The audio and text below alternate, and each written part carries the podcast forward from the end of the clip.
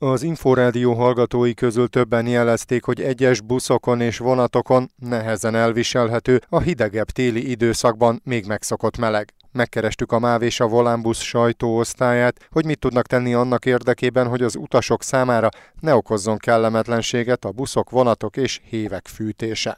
A MÁV Volán csoport arról tájékoztatott, hogy a reggeli és napközbeni hőmérséklet különbség miatt az évnek ebben az időszakában a téli ruhát viselő utasok gyakran túl melegnek érzik az utastér hőmérsékletét, a már könnyebb ruházatot viselők azonban kifejezetten hidegnek találják a fűtés nélküli vagy alacsonyabb hőmérsékletre fűtött szerelvényeket. Ezzel együtt minden járaton törekszenek arra, hogy az utasok többségének megfelelő utazási hőmérsékletet biztosítsanak, a gyors módosítás azonban nem minden jármű eset esetében megoldható. A MÁV Start valamennyi szerelvényében minimum 20 Celsius fokos hőmérsékletet kell biztosítani a téli időszakban, amikor a vonatok az időjárási körülményektől függően akár több órás előfűtés után indulnak. Amennyiben a kocsiban a hőmérséklet eléri a kívánt hőfokot, a jegyvizsgáló vagy a mozdonyvezető lekapcsolhatja a fűtést, de ahhoz is idő kell, hogy normál hőfokúra hűljenek a szerelvények. A volánbusz jelezte, amennyiben az utasok nem érzik megfelelőnek a járat belső hőmérsékletét, jelezhetik az autóbusz vezetőnek. Hozzátették, a járművezetőknek alapesetben 12 Celsius fok alatti napi hőmérséklet esetén kell fűteniük. A sofőrök folyamatosan figyelik az időjárási viszonyokat és törekednek a komfortos utazási körülmények biztosítására.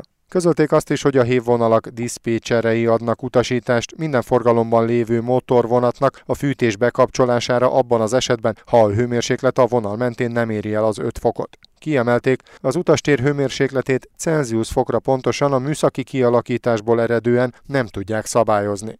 Hozzátették, a hív fűtésének kritikus időszaka a kora tavaszi őszi átmeneti időszak, amikor főleg hideg reggeleken be kell kapcsolni a fűtést, ám a napsütés hatására gyorsan emelkedik a hőmérséklet, ilyenkor az utastér tovább melegszik, hűteni pedig csak az ajtók és az ablakok segítségével lehet. A melegre érzékenyebb utasoknak azt ajánlják, ha tehetik, próbáljanak az ajtók közelében elhelyezkedni.